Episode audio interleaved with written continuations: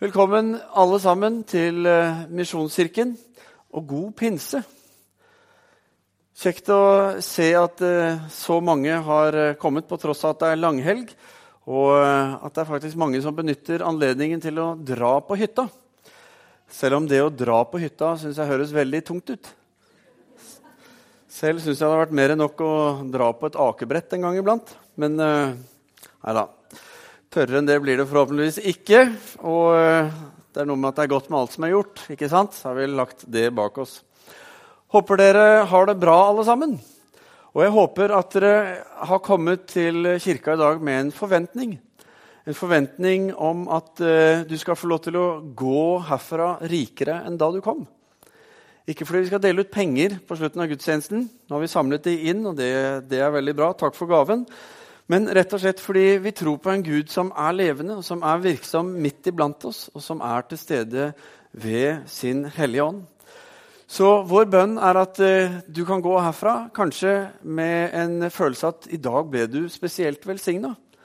Eller kanskje du opplevde at Gud sa noe som var spesielt til deg på denne dagen. Kanskje svarte han på en bønn som du har bedt over lang tid. Kanskje ga han deg en ny forståelse av noe som du har tenkt på og lurt på, og som kanskje ble en slags åpenbaring for deg på denne dagen. Eh, kanskje har du fått en eh, større tro, enten på Gud, kanskje på deg selv, eller kanskje på menigheten og hva menigheten er. Vårt ønske er i hvert fall at eh, når du kommer til Misjonskirken, så skal du få lov til å gå rikere herfra. Fordi vi tror at Gud er her midt iblant oss ved sin ånd. Og vi takker Han for alle som får oppleve at uh, Han har rørt ved dem eller talt til dem når de har vært hos oss. Og Enten du er her i formiddag eller du sitter et helt annet sted i verden fordi du lytter til eh, denne talen på podkast, så håper vi at dette skal være noe som du får ta med deg. Velkommen forresten også til deg som lytter via podkast. I dag skal vi altså starte en ny prekenserie som eh, heter 'Kom Hellige Ånd'. Og eh, Den serien skal gå nå disse fire søndagene fram til og med 5. juni. Og I dag skal vi snakke om Den hellige ånd som var lovet. I dag er det altså pinsedag, og pinsten det er kirkens bursdag. Vi burde egentlig sunget bursdagssang også. ikke sant? Hurra for deg som fyller ditt år. Men eh, av en eller annen grunn så har vi ikke den tradisjonen i kirken. da. Men det er altså bursdag, og det vi markerer og feirer, det er at eh, Gud sendte sin Hellige Ånd til oss. Ikke bare for en dag og en opplevelse, men han kom for å ta bolig i oss og for å leve i hjertet til alle som tror. Uh, det var et løfte som Jesus ga til eh, disiplene og til de som trodde. Det var at en dag, når, etter at jeg har steget opp, så skal dere få Den hellige ånd. Og han sa at de skulle samles i bønn. Dette var på Kristi himmelfart, hvor han eh, sa dere skal dra inn til Jerusalem og så skal dere være i bønn og vente på at Den hellige ånd som jeg har snakket om, skal komme. Så sa han til dem som det står i Apostlenes gjerninger 1, vers 8. Men dere skal få kraft når Den hellige ånd kommer over dere, og dere skal være mine vitner i Jerusalem og hele Judea, i Samaria og helt til jordens ende. Og Det er ti dager siden Kristi himmelfart, og ti dager etterpå så kommer pinsten. Og da kom også Den hellige ånd over disse som var samlet i bønn i Jerusalem. Og Da leser vi fra kapittel 2 og vers 1 om hva som skjedde da. Da står det da pinsedagen kom, var alle samlet på ett sted. Og plutselig så lød det fra himmelen som når en kraftig vind blåser, og lyden fylte hele huset hvor de satt. Tunger som av ild satte, viste seg for dem, delte seg og satte seg over hver enkelt av dem. De ble alle fylt av Den hellige ånd, og de begynte å tale på andre språk ettersom Ånden ga dem å forkynne. Nå er det sånn at uh, Den hellige ånd det er ikke en sånn ny greie som Gud fant på. Nå hadde Jesus vært der en stund, og så hadde han steget opp til himmelen.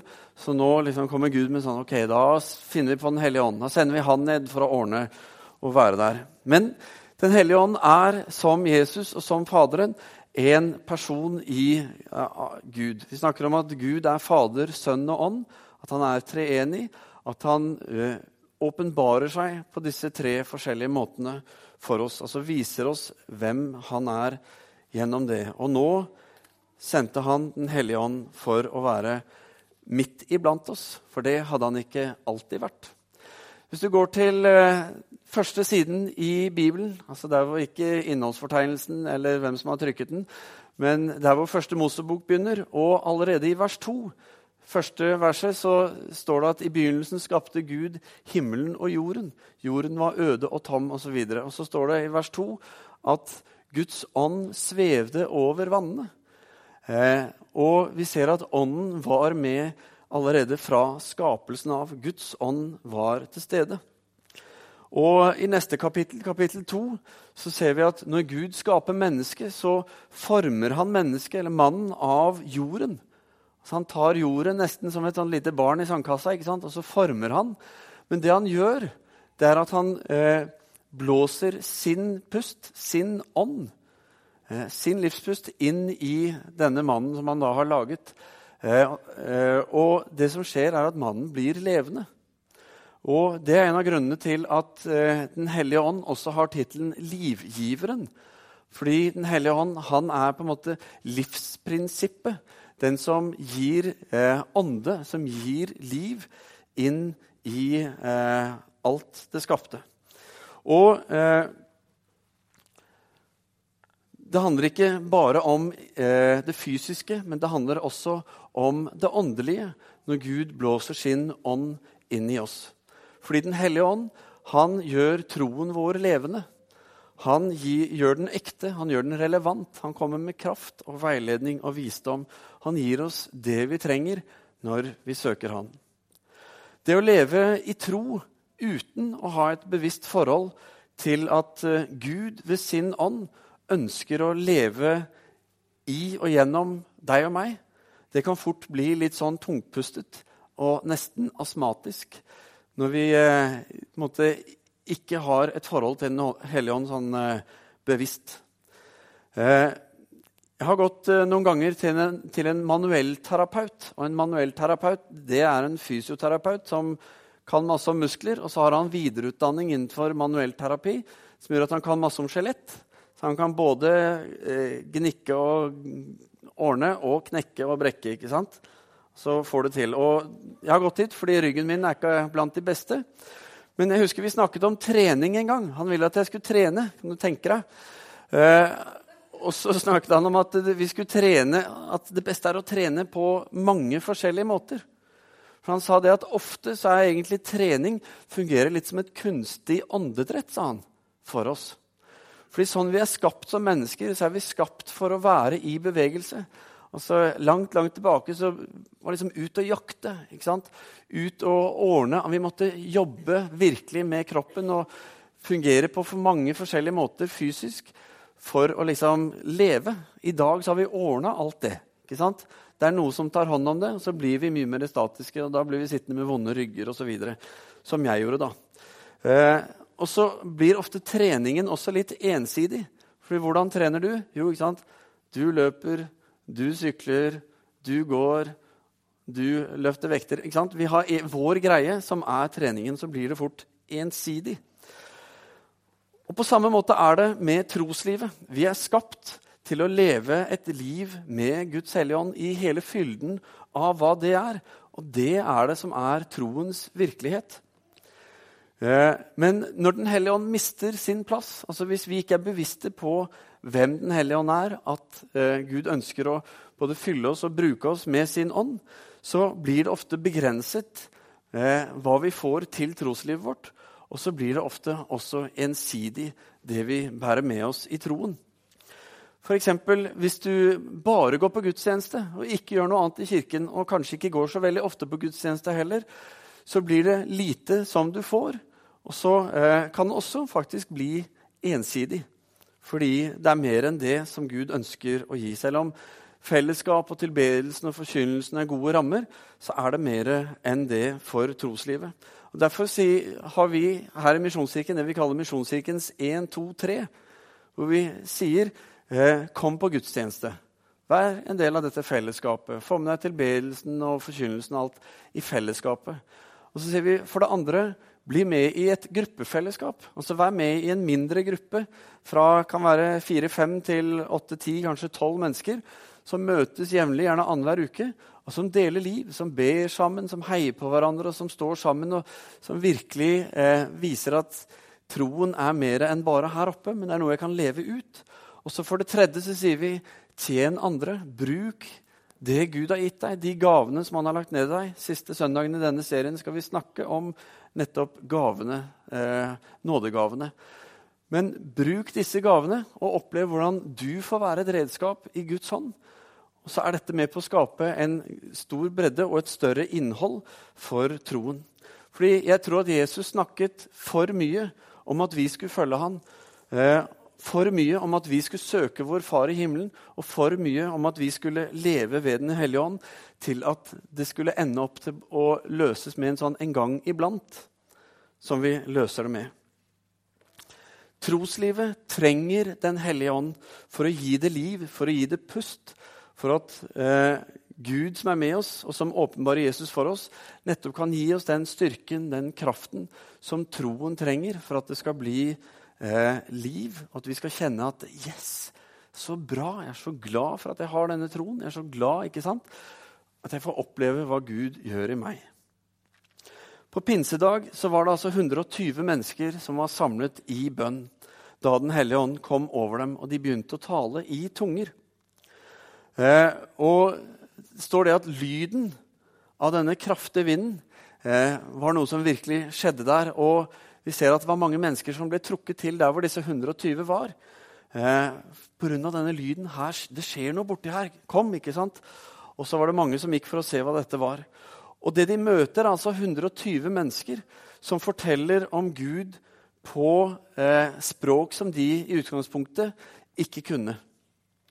Eh, og de sa det til tusenvis av mennesker, hvis vi skal tro tallene som kommer litt senere i samme kapittel. Eh, men det vi ser, som det står i vers 5, at her i Jerusalem så var det fromme jøder av alle folkeslag under himmelen. Det var fordi det var pinse i Jerusalem. Og pinse er også en, en jødisk høytid hvor eh, man feirer at Moses fikk loven.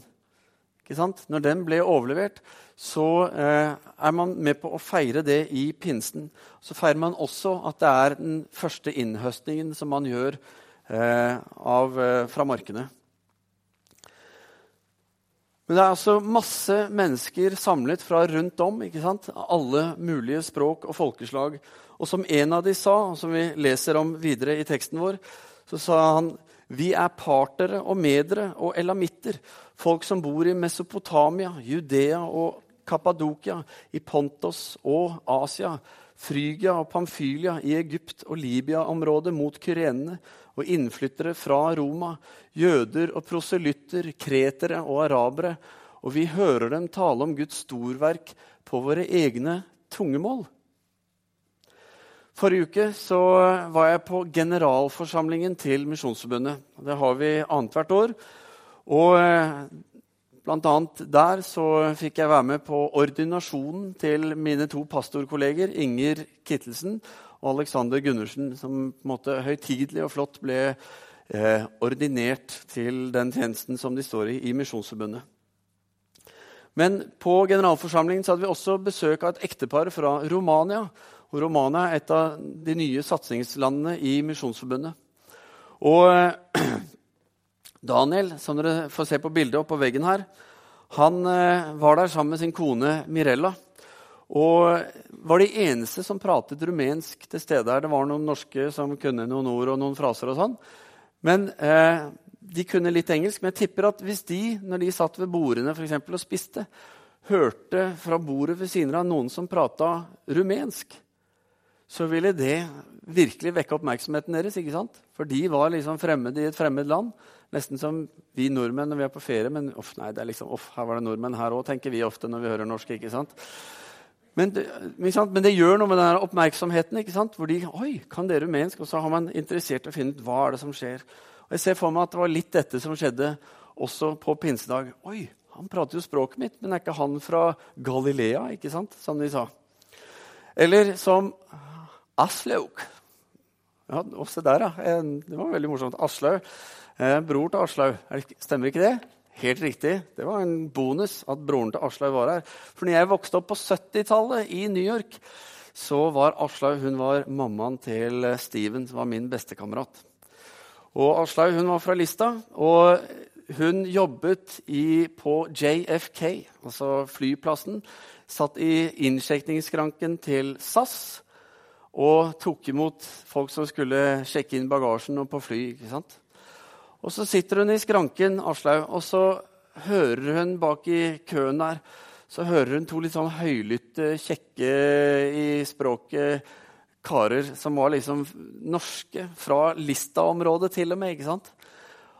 Og så hører hun de var liksom kjekke og brautete og gjorde litt narr av folk rundt dem og tenkte det er ingen som skjønner norsk, og i hvert fall ikke listask, liksom godt og bredt. Så de koste seg. ikke sant? Og Så kan du tenke deg følelsen når det var deres tur å komme til Aslaug i skranken. ikke sant? Og så ser Aslaug opp på dem og sier ja vel, Gud, skal dere hjem nå? Ikke sant? Og så ble de rimelig lange i maska, ikke sant? som bare forteller at språk er en døråpner. Det er noe veldig mektig som skjer gjennom språk, og Gud taler til oss gjennom språk. Når jeg var tenåring, så vokste jeg opp i Oslo. Gikk i misjonskirka der, Betlehem, som vi kalte den.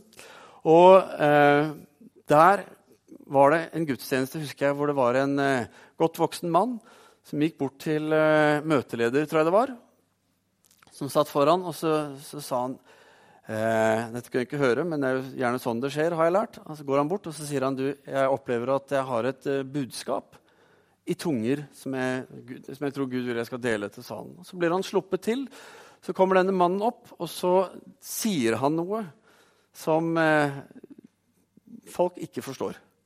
For det er et budskap i tunger, et språk som er liksom OK, hva betyr dette?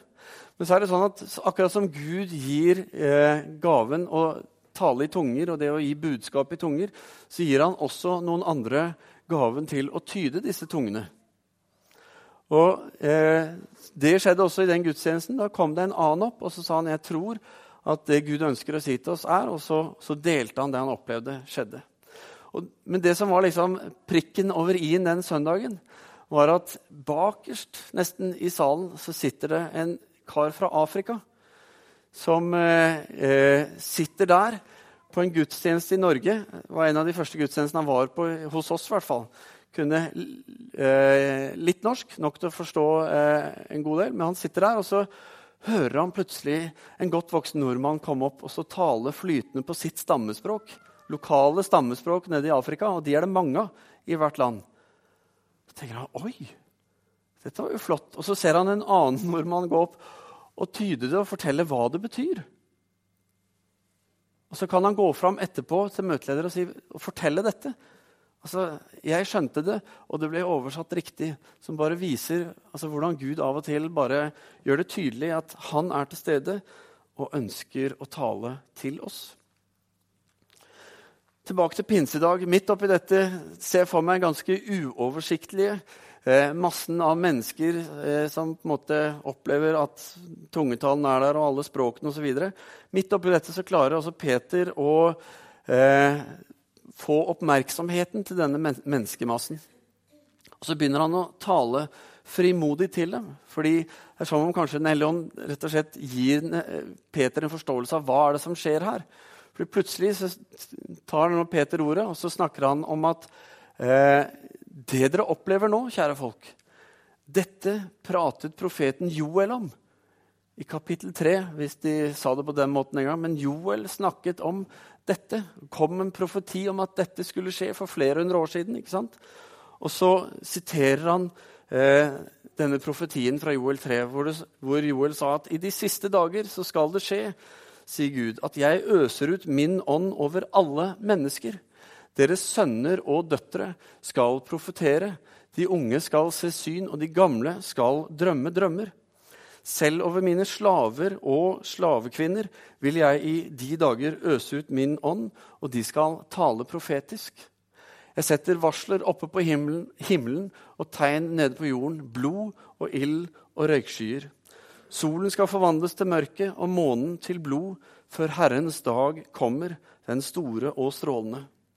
Men hver den som påkaller Herrens navn, skal bli frelst. Og så vet vi at eh, det står litt senere at 3000 cirka, mennesker valgte å nettopp påkalle Herrens navn i tro på Jesus og ble frelst. Og det var en pangstart på den første menigheten. Men det at Gud fylte enkeltmennesker med sin ånd for at de skulle kunne stå i en særskilt tjeneste, det var kjent for alle disse jødene som kom for å høre på Peter. Eh, dette var noe som skjedde i Det gamle testamentet. At det var ledere, at det var konger, prester og profeter. Det kan vi eh, lese om. Og de opplevde at Den hellige ånd kom over dem og fylte dem eh, slik at de kunne tjene på altså, en litt annen måte, fordi Gud var med og la til. Og Ofte så var det på mirakuløst vis gjennom utfordringer og farer som de sto overfor. Men bare for å se litt betydningen av det, da, hvis vi går tilbake til Moses, som hadde Guds ånd over seg, så ser vi i 4. Mosebok i kapittel 11 der står det at eh, Moses opplevde at folket kom.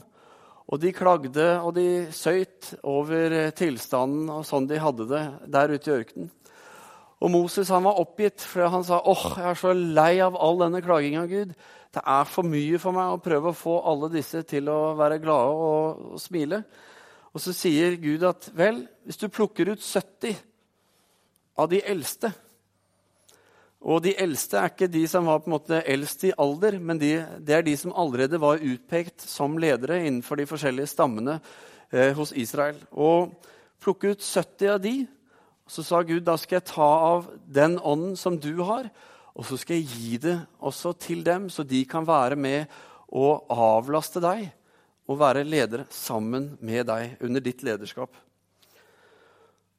Og eh, Lenger ned i teksten der så ser vi at eh, dette, hadde, dette var bra for Moses. Fordi Moses han sukket, og så sa han om bare alt Herrens folk kunne, var profeter så sa han måtte Herren gi dem alle sin ånd. Jødene som var i Jerusalem på pinsedag, de var altså kjent med at eh, Den hellige ånd kunne virke i mennesker. Og eh, De samme jødene kjente også til profeten Joel og profetien som vi nettopp leste, og hadde sikkert også en tanke, en forventning til hvordan kommer det til å være den dagen det skjer. For dette var noe de visste om skulle skje. Men så står de der på pinsedag, og så skjer alt dette rett foran øynene deres. I sin tale peker Peter på Jesus fra Nasaret, som Gud hadde sendt for å gjøre mektige gjerninger, sa Peter. Mektige gjerninger og under. Eh, og Dette kjente de til, for det var tross alt bare halvannen måned siden at Jesus var blitt korsfestet der i Jerusalem. Eh, Peter fortalte at selv om Jesus ble naglet til korset, selv om han ble lagt i graven, så reiste Gud han opp fra graven og løste han fra dødens makt. Og Det ekstraordinære i denne settingen er jo at disse 120 som eh, Den hellige ånd har kommet over, og som taler i tunger, de har faktisk vært øyenvitner. Altså, de har møtt Jesus selv og sett han med sine øyne og er på en måte i tillegg til å tale i tunger, så er de vitner til dette som har skjedd. Og så skulle en jo tro da, at denne pinsen, eh, 49 dager etter at eh, Jesus ble korsfestet, skulle tro om ikke dette med Jesu oppstandelse var årets snakkis blant alle i byen der. ikke sant? 'Har du hørt om?' 'Jeg har hørt om det.' Det er bare tull. Altså, 'Nei, jeg har sett han', ikke sant? Og så videre. Og så er det så interessant at eh, det er en snakkis fremdeles. Fremdeles så gjør det noe med oss. Det er noe som mennesker, enten de tror eller ikke, er opptatt av. Om Jesus sto opp eller ikke. Jesu oppstandelse og himmelfart er grunnlaget for dette nye livet som vi har som kristne i troen på Jesus. Jesus han er selve navet i hjulet i den kristne troen. Eh, og Paulus gir et slags bilde på det i Efeserne 1, vers 10, hvor han sier at han, altså Gud, ville fullføre sin frelsesplan i tidens fylde, altså i den rette tid. Nettopp å sammenfatte alle ting, sammenfatte alt i Kristus alt i himmelen og alt på jorden. Alt skulle samles i Jesus. Så Jesus han er ikke et bindeledd mellom himmel og jord, men han er bindeleddet. Han er det ene bindeleddet mellom himmel og jord. Jesus sa det selv. 'Jeg er veien, sannheten og livet'. Alle tre i bestemt form. Ikke en vei, en sannhet og et liv. Men jeg er veien, jeg er sannheten, og jeg er livet. Og så sa han, ingen kommer til Faderen uten ved meg. Og som det bindeleddet så kaller han oss, han kaller deg og meg, til å leve våre liv i tro på han. I tillit til han og i etterfølgelse av han. Og dermed også gjøre som han sa. Ved nettopp å åpne våre liv, våre tanker, våre følelser, for Den hellige ånd, som rett og slett er Gud som ønsker å leve i og gjennom oss. For når vi gjør det, så får vi del i det livet som Jesus kom for å vise oss, som han kom for å gi oss. Den svenske forfatteren og retreatlederen, redaktør og litt av hvert, Peter Haldorf, han eh, sier i sin bok eh, som heter 'Drikk dypt av ånden', der sier han at Jesus ble hva vi er. Altså Han ble menneske for at vi skulle bli hva han er. Nettopp Guds barn. Leve i en nær relasjon til Gud, med Gud. Og dette er egentlig grensesprengende, for det betyr at hver enkelt av oss som er her i formiddag, uansett hvordan livet har vært til nå, uansett hvor vanskelig eller lett det har vært å tro, eller hva det er, så er vi ved troen, liten eller stor, kalt til å leve et liv slik Jesus levde. Og det er ikke en sånn der klamp om foten og 'nå må du gjøre sånn som Jesus gjorde', men det er en invitasjon til å få del i den rikdommen som Jesus hadde, og til å la det få lov til å vokse fram i ditt og i mitt liv. Og Johannes sier i sitt eh, første brev i kapittel 4 så sier han egentlig det samme. Eh, han sier, 'For som Kristus er, slik er vi i denne verden'. Altså Det er et likhetstegn mellom hvem Kristus er, og, hvem, og mellom hvem du og jeg skal være. Og eh, som for å på en måte understreke det, så ser vi Jesus i Johannes 20. Når han viser seg eh, for disiplene etter sin oppstandelse, så sier han til dem, 'Fred være med dere'. Som far har sendt meg, altså på samme måten, sånn sender jeg dere. Ikke noe. Så ånder han på dem, og så sa han, ta imot. Til det livet som vi er kalt å leve, som Gud selv legger til, så synliggjøres, synliggjøres det skjer i oss. Hvordan han kan minne oss på, veilede oss, vise oss sittende, hjelpe oss til å huske på noen. Det er masse, masse, masse til. Og Poenget er at løftet igjen, enten det var hjertesukket til eh, alle en dag skulle bli fylt, eller det var profetien visning til disiplene, som vi leser videre, hvor eh, han sier at dereskaften deres, han skal bo i dere, han skal leve i og gjennom andres ved det livet dere lever. Så løftet det er gitt, i hvilken grad Er han inhalatoren for oss når vi er desperate og trenger å komme Det er noe vi virkelig mangler livsnerven i oss fordi vi, Gud har for oss, det er det beste. Og det er det vi vil. Sier Gud, mer av deg. Fordi troen kjemper på livet vårt med å definere livene våre. Hvis tro på søndag eller hvor du nå er, blir det utfordrende. Når vi velger å la Gud være og Bare bestemme oss ikke fordi vi har forstått full kontroll. Men ofte når vi ikke har den kontrollen, Gud inn så er det rom for Han. Og når vi kan si 'Du har sagt det ditt', 'Du har lovet', derfor går tanken. 'Jeg tror den er fra deg', derfor tar personen, eller hvordan det nå enn er. Følgelse og i oss at Guds vilje får skje, og det er nettopp ved Den hellige ånd i dag. Som er lovet oss, og som er sier 'Hellige ånd, jeg trenger deg'. Så tror jeg du kan oppleve noe allerede i dag. Bare en sånn knips. Og si 'Gud, jeg trenger mer av deg'. Ånd så tror jeg du skal få oppleve troslivet ditt, skal vi be. For uh, den sannheten vi har fått lov til, at uh, du ikke bare for opp til himmelen, men uh, du sender du selv, kom og tok bolig i oss. Du kom for å fylle oss, for å utruste oss, for å fortelle oss at vi er elsket, og at vi er rettferdiggjort, at vi er helliget, at vi er utvalgt, og at du elsker oss mer enn noe. Og nettopp når vi våger å tro og gi oss hen til den sannheten, at du lever i dag, at det er der livet leves. Det er der troen får sin kraft. Det er der eh, vi kjenner at vi puster godt. Nettopp fordi du kommer med din livspust, din ånd, inn i oss. Og så handler det ikke bare om fysisk å puste, men det handler om troens liv, Herre. At det skal være ekte, at det skal være relevant, at det skal fungere inn i livet og hverdagen. I relasjonene våre, Herre. Jeg ber her om at du skal hjelpe oss til å åpne opp for nettopp mer av Den hellige ånd i våre liv. Fordi vi trenger det, menigheten vår trenger det. Og ikke minst alle de menneskene Herre, i byen vår, i nabolaget vårt, på arbeidsplassene våre, som ikke kjenner deg, som ikke har valgt å tro på deg, Herre. De trenger, Herre, at vi er fylt av Den hellige ånd. At vi får lov til å bringe din sannhet din kraft og din nåde med oss i våre liv.